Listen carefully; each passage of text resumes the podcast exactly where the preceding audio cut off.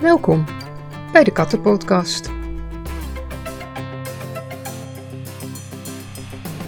Hey, wat super leuk dat je luistert naar de Kattenpodcast. De podcast waarin we samen onze katten beter gaan leren kennen.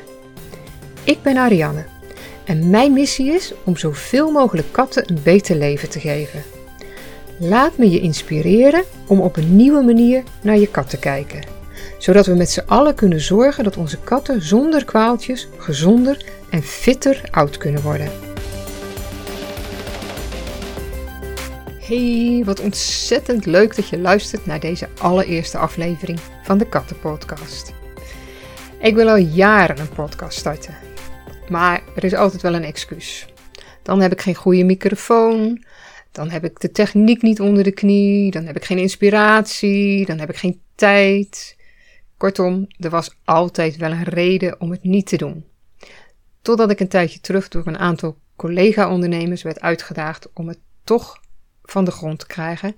En daar is hij dan, de eerste aflevering. Maar naar wie zit of sta of loop je nu eigenlijk te luisteren? Mijn naam is Ariane Liefrink en ik ben afgestudeerd docent gezondheidskunde en biologie. Ik heb nauwelijks in het onderwijs gewerkt, maar ben al gauw omgeschoold en kwam bij de Nederlandse spoorwegen in de automatisering terecht. Daar heb ik heel wat jaren gewerkt en vervolgens heb ik 20 jaar een eigen bedrijf gehad. Waarbij ik borduurde voor vooral uh, bedrijven en in babyartikelen. In die tijd, aan het einde van die 20 jaar ongeveer, werd ik geblesseerd aan mijn hand. En mijn handen waren natuurlijk mijn belangrijkste tools om mee te werken. Dus ik kon tijdelijk niet werken en ik had tegelijk twee poesjes die bij mij het huis liepen onder te sproeien. Dat hebben ze van kitten af aangedaan en het leek in de jaren daarna alleen maar erger te worden. Dus ik begon met een bezoekje aan de dierenarts. Die verwees mij door naar een kattengedragstherapeut en ik stond met mijn oren te flapperen. Ik had nog nooit van een kattengedragstherapeut gehoord. Dus ik ging googlen en tijdens het googelen ontdekte ik dat de therapeut waar ik naar doorverwezen werd, waar zij opgeleid was. Dus ik kwam bij die opleiding terecht en ik zag dat ze een workshop gingen geven. En omdat ik toch thuis zat en niet veel anders kon, heb ik mij ingeschreven voor die workshop. En daar heb ik van de ene verbazing in de andere ben ik gerold. Niet alleen over het gedrag, want ik leerde daar in die ene dag meer dan ik in de twintig jaar daarvoor dat ik al katten had, had geleerd van katten, maar vooral ook omdat ik werkelijk met mijn neus in het kattenvoer leek te vallen die dag. Tijdens het voorstelrondje hadden we, had ik onder andere verteld dat ik nog een kater in huis had die behoorlijke gezondheidsproblemen had, waarop een van de klasgenoten mij toen zei van waarom ga jij niet barven? En mijn mond viel open, want ik had van de term BARF werkelijk nog nooit gehoord. Mocht jij dat ook niet hebben, BARF staat voor Bones and Raw Food en is een term die gebruikt wordt door mensen die hun katten, maar ook hun honden, rauwe voeding geven. Dus mijn mond viel open bij die term en eenmaal thuis avonds ben ik gaan googlen en ik zeg altijd, spreekwoordelijk, ben ik dat dus ook blijven doen. Want door het googelen op dat barven kwam ik in een wereld terecht die ik helemaal niet kende. Ik had eigenlijk nooit stilgestaan bij het voer van mijn kat. Ik ging braaf bij de dierenarts de, de duurste zakken halen met brokken, omdat ik dacht dat ik daarmee ook het beste voer in huis haalde. En toen mijn Google-reis begon, kwam ik er al snel achter dat niet alleen brokken, maar zeker ook geen dure brokken de grote oplossing zijn voor de gezondheidsproblemen van onze katten. Dus mijn nieuwe passie was geboren. En een van de dingen die, die mij daar vooral nog van die eerste tijd in bijstaat, is dat ik het zelf niet had gezien. Dat ik zelf niet doorhad met het voeren van brokken waar ik mee bezig was. Ik had immers, ik had gezondheidskunde gestudeerd, ik had biologie gestudeerd. Ik had in wezen alle tools in handen om beter te weten. Ik had alle kennis om te weten dat een bak vol met dure brokken geen natuurlijke voeding was voor een kat. En dat dus mijn zwerfkat, Guus, die later gewoon bij mij in huis is komen wonen en waar je geheid nog over gaat horen, want Guus heeft een belangrijke rol hierin gespeeld. Maar toen zag ik dus ook heel snel waarom Guus zo'n probleem had met zijn buik. Want hij kwam bij mij binnen en hij kwam in het Brokkenwalhalla terecht. En daar floreerde hij niet op. Hij kreeg steeds een hele opgeblazen buik als hij gegeten had. En toen ik helemaal uh, op dat spoor van dat voer terecht kwam, ontdekte ik al snel dat hij waarschijnlijk de eerste, het eerste jaar, hij, hij was een jaar, eh, ongeveer een jaar oud toen hij bij mij binnenkwam, had geleefd op de konijnen die hij zelf had gevangen. En dat het daar een prima, prachtig, mooi jong katertje van geworden was. En toen hij bij mij binnenkwam en die brokken begon te eten, ging het dus echt helemaal mis met zijn buik. Want die buik die was ook helemaal niet gewend om droogvoer, om sterk bewerkt voer te eten. Dus al gauw heb ik hem toen teruggezet op, op zijn natuurlijke voer. Ik begon met blikvoer te geven, daar knapte hij heel aardig van op. En vervolgens ben ik hem uh, zelfs rauwvoer gaan geven. Ik ben niet gaan barven. Barven is echt de term die staat voor het zelfgemaakte rauwvoer. Ik ben een kant-en-klaar versvoer gaan voeren. En ik had dus ook het geluk dat Guus nog zo jong was, dus dat ik uh, absoluut nog niet te laat was als je dat ooit al kan zijn, om hem over te zetten op goed voer. Maar wat ik daarmee ook ontdekte was hoe lastig het was om goede informatie over kattenvoer te vinden. Hier in Nederland was toen de tijd, en ik heb het over zo'n tien jaar geleden inmiddels, was eigenlijk niks te vinden online.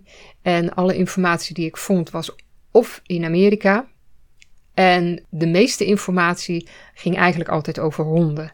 Dus ik heb wel heel erg moeten zoeken naar goede bronnen en goede informatie. En dat was ook de reden dat ik besloot om dat te gaan delen.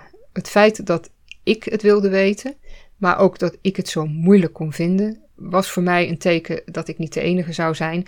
En dat er waarschijnlijk veel meer mensen zouden zijn die graag meer over het voer van hun kat zouden willen weten. En zo is Voer voor Katten, de website Voer voor Katten, begonnen. En ondertussen ben ik ook verder gegaan met de opleiding. Ik heb de hele gedragsopleiding afgemaakt, want dat was ook een feestje. Katten zo goed leren kennen is erg leuk. En ik vond vooral natuurlijk de combinatie leuk met het voer en de kat.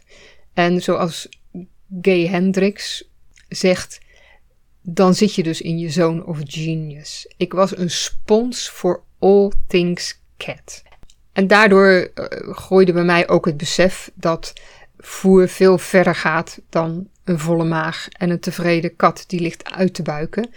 Maar dat echt alles in het hele lijfje en ook in ons eigen lichaam draait om goede voeding. Helaas werd die link in de gedragsopleiding niet gelegd. Ik heb toen de tijd uh, meerdere malen geprobeerd om daar ook aandacht voor te krijgen, maar men stond daar op dat moment nog niet open voor. Met al die kennis ben ik uh, een aantal jaren later begonnen met een online magazine. Ik heb vanaf volgens mij 2017 magazines gemaakt waarin ik ook heel veel informatie deelde over het voer van de kat, over het gedrag van de kat. Uh, daar werd ik ook bij geholpen door uh, uh, bevriende gedragstherapeuten en andere professionals in de kattenbranche. En die staan nog steeds online, dus mocht je die willen zien, die kan je gewoon gratis downloaden. Die staan online op de website. En in de tussentijd ben ik ook gestopt met mijn andere bedrijf, want het groeide zo hard dat ik niet uh, in staat was om twee bedrijven daar uh, mijn volle aandacht aan te geven. Ik ben er inmiddels ook achter gekomen dat mensen uh, mijn magazine tof vonden, maar dat ze mij ook heel graag vragen wilden stellen. Dat was natuurlijk lastig. Een magazine is eigenlijk heel erg eenrichtingsverkeer. Ik, ik vertel, maar je kan niet met mij communiceren via zo'n magazine. En ik ben nu inmiddels ruim een jaar geleden met een soort membership begonnen, een, een club. Ik noem het Club Kat. En als je daar dus lid van bent, dan mag je mij ook vragen stellen en dan krijg je extra informatie. En nu voeg ik daar dus de podcast aan toe. Een andere vorm van informatie delen, een andere manier om mensen op de hoogte te stellen van het wel en wee van onze katten. Maar ik hoop ook dat die net zo succesvol is als bijvoorbeeld mijn magazine uh, destijds was. Want ik vind zelf dat katten nooit de dupe mogen worden van onjuiste informatie. En er is veel onjuiste informatie. De meeste mensen hebben inmiddels wel ervaren dat onze dierenartsen ook niet al te best op de hoogte zijn van voeding. Dat zij vaak komen met droge, droge voeding uh, in de vorm van brokken. En ik ben bang dat de rekening hiervoor voor deze informatie uiteindelijk altijd naar de katten gaat. Dat de kat de rekening betaalt met zijn gezondheid. En jij als eigenaar uiteindelijk ook. Jij krijgt eh, waarschijnlijk als je kat zijn leven lang geen optimale voeding krijgt, uiteindelijk te maken met een zieke kat en dus ook met vette rekeningen van diezelfde dierenarts. Dus wat ooit begon als uh, met een workshop over kattengedrag, is nu een leuk bedrijf, wat tenminste in mijn ogen een leuk bedrijf, wat als grootste doel heeft om jou als katteneigenaar beter te informeren, waardoor we samen gezondere katten kunnen grootbrengen en oud laten worden. Want ik zeg zelf altijd, als ik het geweten had, had ik het bij bijvoorbeeld mijn vorige katten ook al anders gedaan. En ik wil voorkomen dat jij ooit zegt van had ik het maar geweten, want dan had ik het anders gedaan. Oké, dat over voer voor katten, dat over waarom ik hiermee begonnen ben. Misschien nog een paar weetjes over mij die je leuk of interessant zou kunnen vinden. Ik woon samen met een hele lieve vriend en ik wil nog steeds zeggen met drie katten. Dat is helaas niet meer zo, want kort voor deze eerste aflevering heb ik de enige echte founder van Voer voor Katten in moeten laten slapen. Guus, uh, waar alles mee begonnen is. Guus was waarschijnlijk namelijk ook de reden dat de twee dames hier in huis uh, meer gingen sproeien. Maar Guus was zeker de reden dat ik op het spoor van voer kwam. En in de loop van zijn leven heeft hij me ongelooflijk veel lessen geleerd over voer en over hoe een kattenlichaam werkt, maar ook over hoe uh, anderen er tegenaan kijken, hoe de, de voerfabrikanten er tegenaan kijken, hoe de dierenartsen denken en kijken. En helaas is Guus niet oud geworden. Wat niet de, niet, waar de reden niet van was dat hij verkeerd voer kreeg. Maar Guus is helaas geïnfecteerd geraakt met de kattenvariant van het HIV-virus. En daardoor is hij niet, niet ouder dan 10 jaar geworden. Maar ik heb nog wel twee andere kattenboefjes in huis. Twee poesjes, twee schildpadpoesjes, die inmiddels ruim 14 jaar oud zijn, die slecht gesocialiseerd waren, maar voor mij en voor mijn, uh, mijn vriend twee zeer vriendelijke katten zijn om mee samen te leven. En doordat Guus nu ergens anders um, zijn konijntjes aan het vangen is. Want dat heeft hij de rest van zijn leven flink gedaan. En ook opgegeten. Wij wonen aan de rand van het bos en er was veel te vangen voor Guus. Uh, ik denk dat hij nu op een andere plek zijn konijntjes vangt. De buurt is er, is er veiliger op geworden.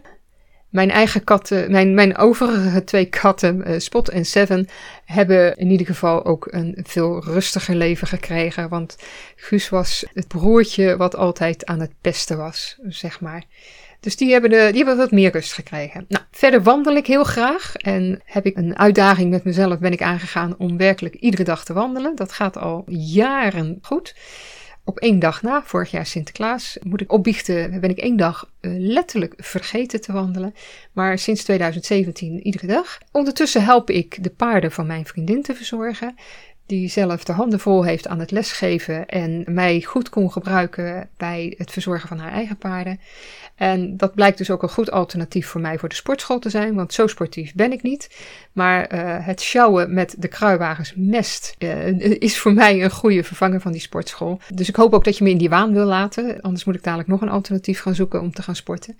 En zelf heb ik, ondanks dat ik Guus hier in huis had, die gek was op konijnen, heb ik ook een paar konijnen buiten zitten in een groot hok. En dat voornamelijk omdat andere mensen denken dat ze konijnen gewoon kunnen dumpen als je er geen zin meer in hebt om ze te verzorgen. En onze tamme konijntjes kunnen nou eenmaal niet op straat leven. Die zijn niet in staat om voor zichzelf te zorgen. Dus ik help de opvang met het verzorgen van een paar konijnen bij mij hier. Wat ook weer heel erg leuk en leerzaam is. Want een konijn is werkelijk een totaal ander beest dan een kat als het om eten gaat. Goed, hier wil ik het voor deze eerste aflevering bij laten. Ik hoop dat je het leuk vond. Leuk om mij te leren kennen. Leuk om mijn achtergrond te leren kennen.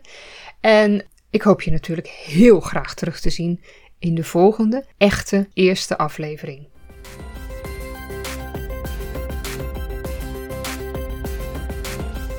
Dankjewel voor het luisteren naar deze aflevering van de Kattenpodcast.